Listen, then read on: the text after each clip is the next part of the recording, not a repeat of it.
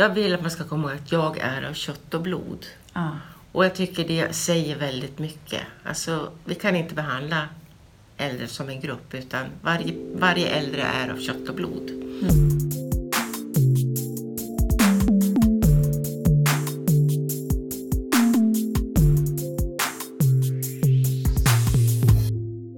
Hej och välkommen till FoU-podden.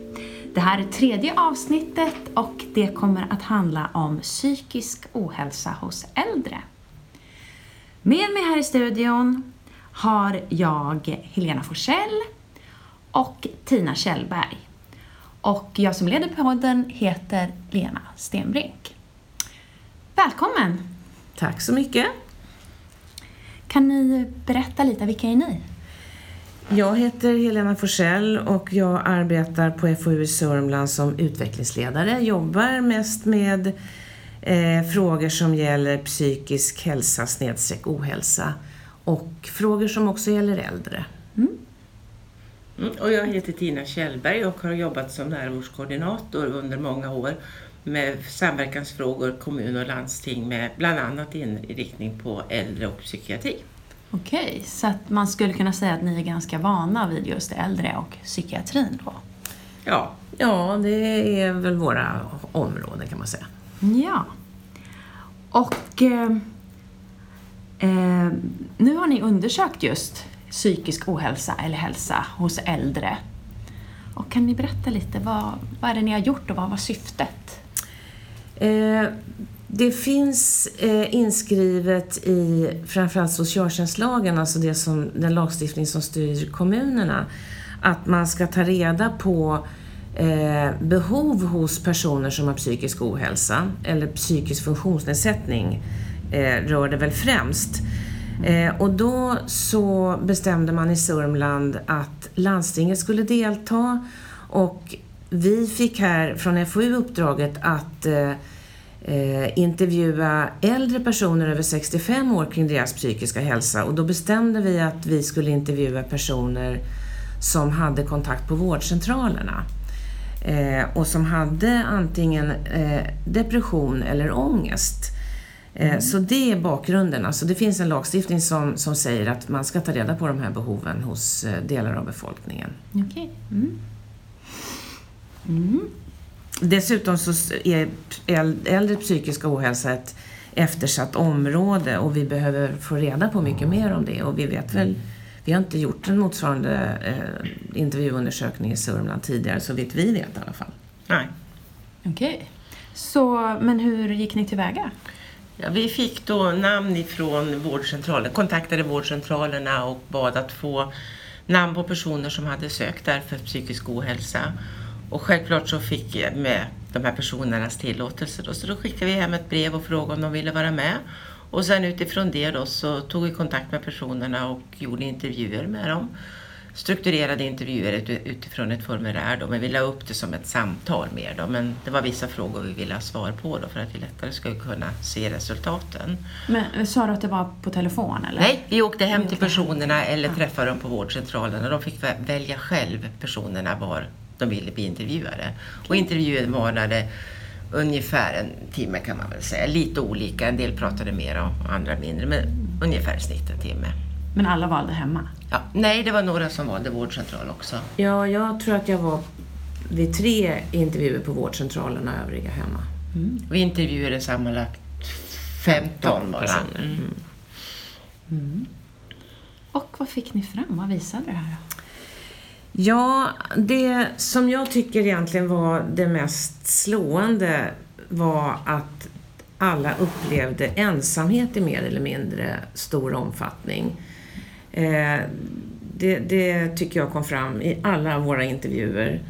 Sen så berättade man också att man eh, hade haft ett väldigt eh, vad ska vi säga, aktivt arbetsliv. Man hade eh, uppfattat eh, sitt yrkesliv som meningsfullt, eh, man hade trivts på sitt arbete, man hade tyckt att man eh, gjorde nytta.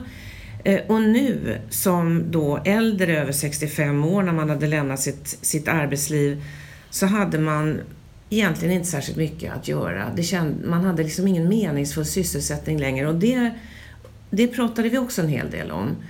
Visserligen var några med i någon pensionärsförening eller i kyrkan och aktiva på det sättet eller gick ut och gick med sin hund eller liksom sysslade med... Men alltså det var... Det blev en kontrast i och med att man nu då inte hade den här meningsfulla sysselsättningen lika självklart som när man jobbade. Och det, det var, verkade också vara ganska så mm. liksom, arbetsamt för dem.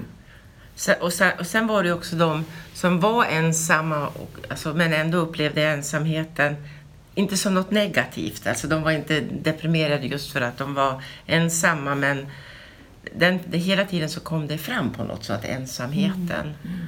Mm. Och, de flesta som vi intervjuade var ju ensam, alltså hade ju, var ju änkor eller änkemän då så att säga. Det var få som hade någon partner. Nej, det var, jag tror att tio var sammanboende och fem var, okay. var ensamstående. Hade mm, varit gifta eller hade inte varit. Men, men så tror jag fördelningen var. Sen så kom det väl också fram, det pratas ju mycket om att äldre har så dålig ekonomi. Mm. Eh, det, särskilt kvinnor då. Eh, men det är klart att alla inte tyckte att de hade jättemycket pengar att röra sig med, men det var ingen som hade svårt att betala sina räkningar eller som, som upplevde att det var något jättestort problem. Nej, nej. Och det var vi väl, jag vet inte om vi var överraskade, men det var i alla fall någonting som vi också tänkte var väl lite annorlunda än det som man ofta pratar om. Alltså de levde ganska gott rent mm. ekonomiskt kan man väl säga. Mm. Så ja, de klarade sig bra. Men jag tänker, det här var ju personer över 65, men varierade åldern eller var det att de nyligen hade slutat jobba? Eller? Den varierade från, jag tror den yngsta var 66 och den äldsta 88. Okay. Så att den vari åldern varierade. Mm. Men ändå, även de som var mycket äldre ja. uttryckte verkligen det här kring sitt arbetsliv, att det hade varit så bra. De var, alltså jag skulle vilja säga att de var ganska nöjda med sitt liv. Ja, de var, ja, det, ja i alla fall generellt, generellt får man nog ändå säga. Ja. Mm. Sen var det ju en del som också eh, uttryckte sorg över att man hade dålig kontakt med sina barn och barnbarn. Mm, mm. Det var också någonting som, okay. som eh, kändes lite... Mm. Ja, det, var, det, det uttryckte man faktiskt. Och sen tänker jag, det var, alltså, det var en spridning från att de som uttryckte den här sorgen för att inte ha kontakten till de som hade i princip kontakt mer eller mindre varje dag via eh, Facebook eller eh, e-mail eller ja, någon, någon, form av eh, trådlös kommunikation så att säga Men också. Var de nöjda med den typen av kommunikation? Ja. Eller? De, som, de, de som var, hade det var, var nöjda så att ja. säga. Mm. Sen var det många som inte alls hade tillgång till dator eller liksom knappt mobiltelefon. Och, eh, några fick hjälp då av sina barn istället när de behövde mm. använda den här kommunikationsformen. Men eh, ja, det, det var både och. Det var mm. de som var mm. väldigt duktiga på det förstås. Mm. Jag tänker, där borde det ju, man tänker att det borde göra skillnad då om man just har gått i pension och är van att använda de här sakerna eller om man är 88. Det är det ju. Ja, för de flesta ja, säkert. För, jo, men jag hade no, några där som, hade, som var alltså över, ja, närmare 80 då så att säga, mm. till och med över, som hade daglig kontakt i princip via mobiltelefonen. Mm. Vad roligt. Mm. Så att det, variationerna är väldigt stora och det, det är väl det man alltid måste komma ihåg, tänker jag. att man kan aldrig säga att alla äldre har inte eller alla äldre har. Mm. Utan man måste titta på varje människa. Hur, hur är det för dig? Har du möjlighet att? Och så vidare. Mm. Och det är väl det som man alltid måste komma ihåg. Det går aldrig att dra ja, generella slutsatser om mm. äldres psykiska hälsa till exempel, eller vad det nu än är.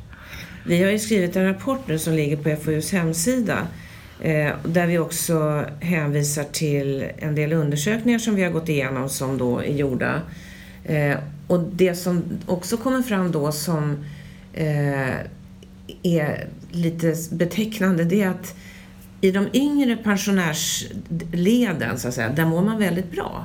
Generellt, inte alla naturligtvis, mm. men, men det är någonting som man ser i undersökningar, att där mår man ganska så bra. Medan man senare i livet har eh, alltså är deprimerad i så hög grad så att man kan se det som ett folkhälsoproblem. Oj. Så det är en väldigt eh, väldigt eh, skiftande bild mm. som är intressant. Nu var inte vår grupp, våra 15, det var ju inte... De hade inte så tung psykisk nej, nej. problematik. Men det är ändå in, intressant att så här ser det ut eh, i vår befolkning. Eh, så att det är väldigt tudelad, eh, alltså det är en tudelad verklighet. Ja, men vet man varför det är så?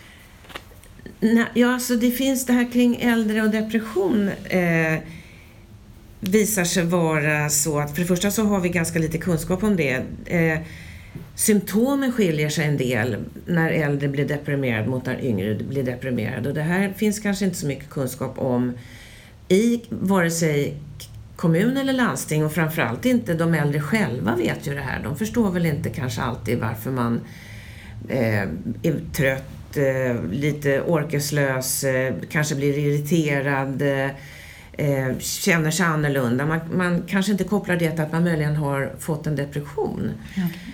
Eh, och jag tänker personal kanske då inom kommunen har väl inte alltid kunskap om detta heller. Så kunskapsläget kring det här är ganska lågt. Oh, ja. Eh, och eh, där finns det en hel del att göra såklart. Mm. Uh, och vad gör man? Ja, kunskapsläget till exempel. Man skulle behöva mycket mer utbildning kring de här frågorna. Både i kommunen bland personalen, hemtjänstpersonal till exempel. Eh, andra som kommer i kontakt med äldre.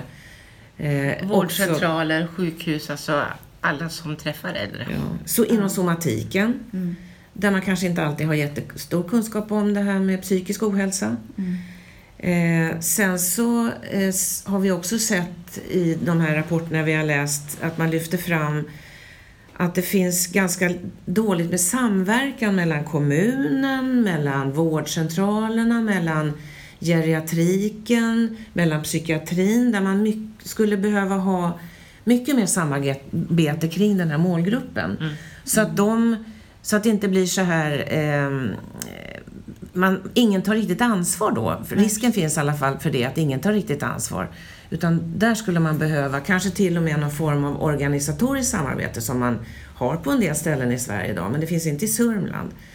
Eh, det, där finns ju kanske någonting att göra. Det är ju så att alla gör ju sin del, men man mm. tittar, alltså lite, vi är fortfarande dåliga på att titta hur ser det ut när jag lämnar den här personen. Mm. Istället för att få det här samarbetet som du pratar om. Mm. Är det här någonting som de här utbildningarna som vi har i eh, samordnad individuell plan? Är det något som skulle kunna hjälpa eller är det för andra L Lite grann kanske? Ja, på marginalen. Alltså det som möjligen kan, som vi märker händer i våra utbildningar, det är ju särskilt om man, vi kan få ihop personal både från landsting och kommun i samma rum och mm. prata om det här med samverkan kring individerna. Då kan det ju möjligen hända saker. Det här, fast SIP-utbildningarna som vi nu pratar om då handlar ju inte om att öka kunskapen när det gäller psykisk ohälsa utan det handlar mer om hur kan vi samarbeta kring en individ och hur, ja. vad, hur, vad är vi skyldiga att göra då. Eh, men det var intressant också i våra intervjuer att det visade sig att ingen av de här 15 personerna hade en aning om att det fanns någonting som heter samordnad individuell plan eller att mm kommun och landsting är skyldiga att samverka om det finns behov av det ah. kring, en sån, kring en person. Det visste de ju inte. Nej, inte på så sätt. Nej.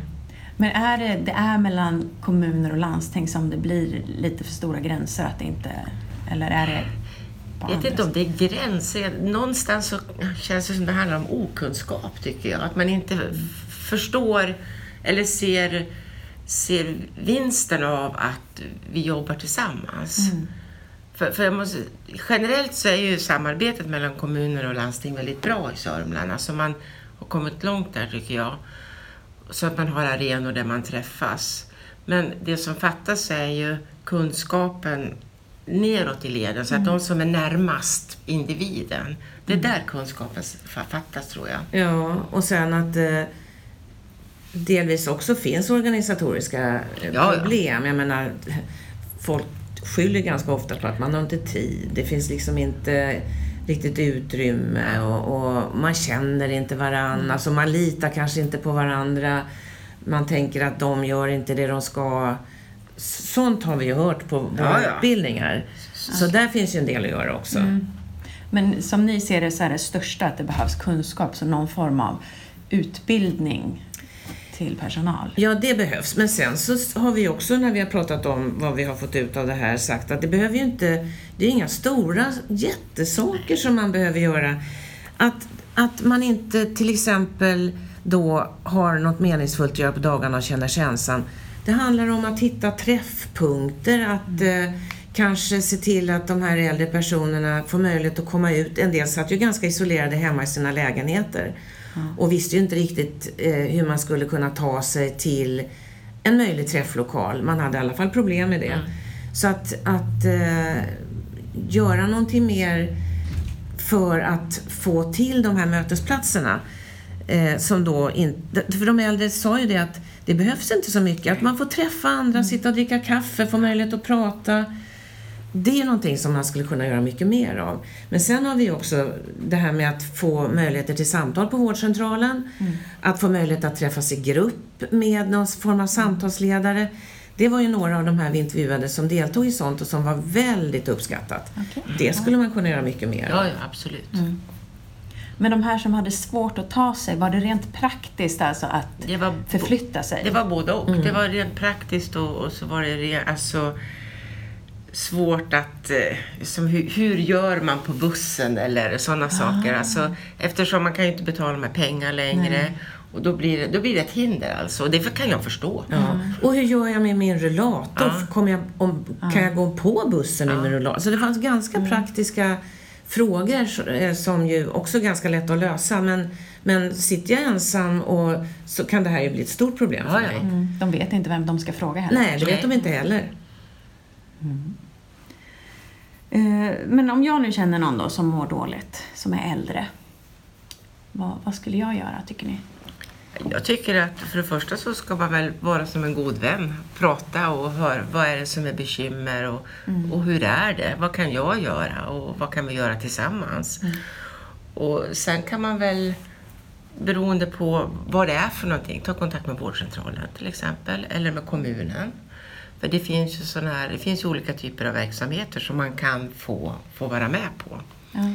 Daglig verksamhet till exempel. Men det, det är ju sådana saker som man måste bli ja, utredd för då, eller se om man kvalar in.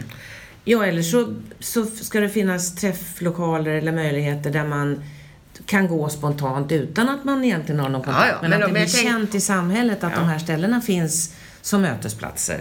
Man kanske kan hjälpa dem att hitta lite Mm, och hur de ska absolut. göra med sin rollator eller med sin Ja, ja, eller absolut. då. definitivt.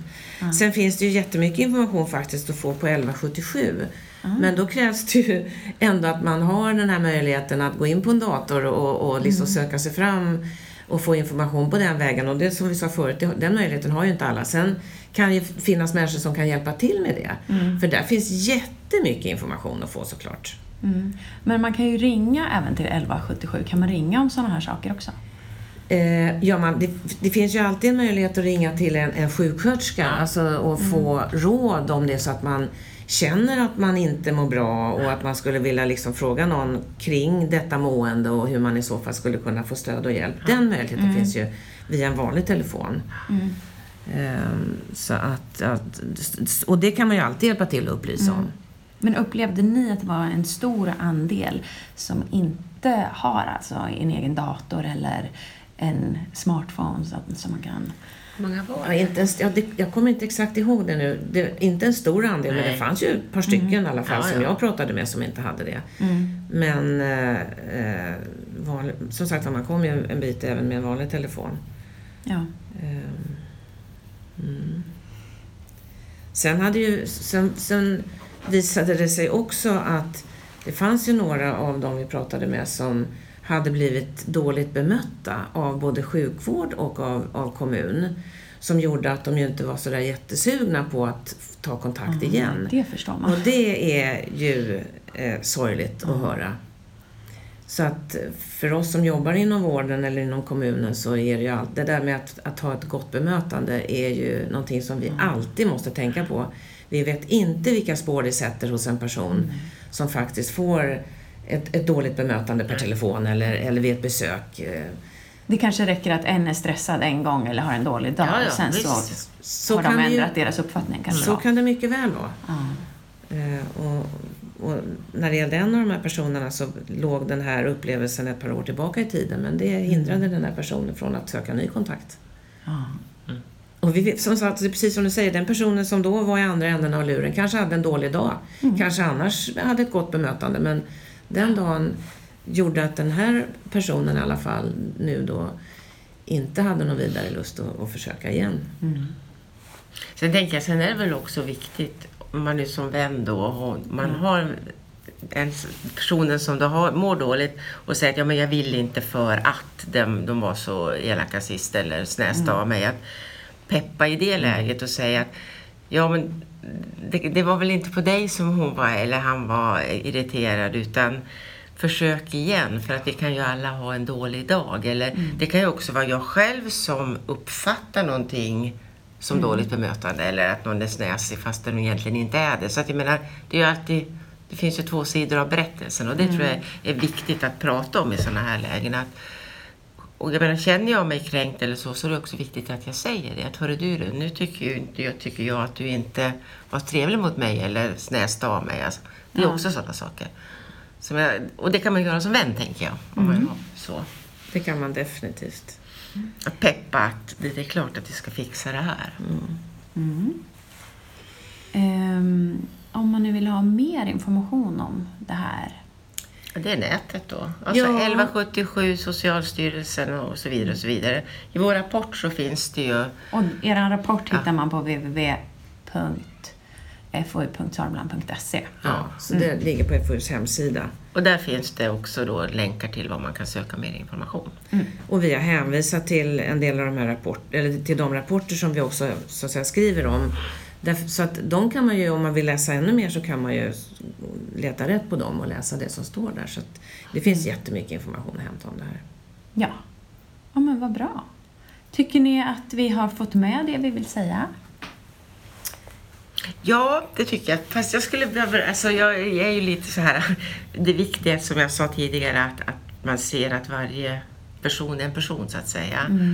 Och det är väl det som jag återkommer till att det var en kvinna som sa, men frågade henne lite så här, hur hon ville bli behandlad eller vad hon tänkte på. Så sa hon så sa så här, ja, jag vill att man ska komma ihåg att jag är av kött och blod. Ja.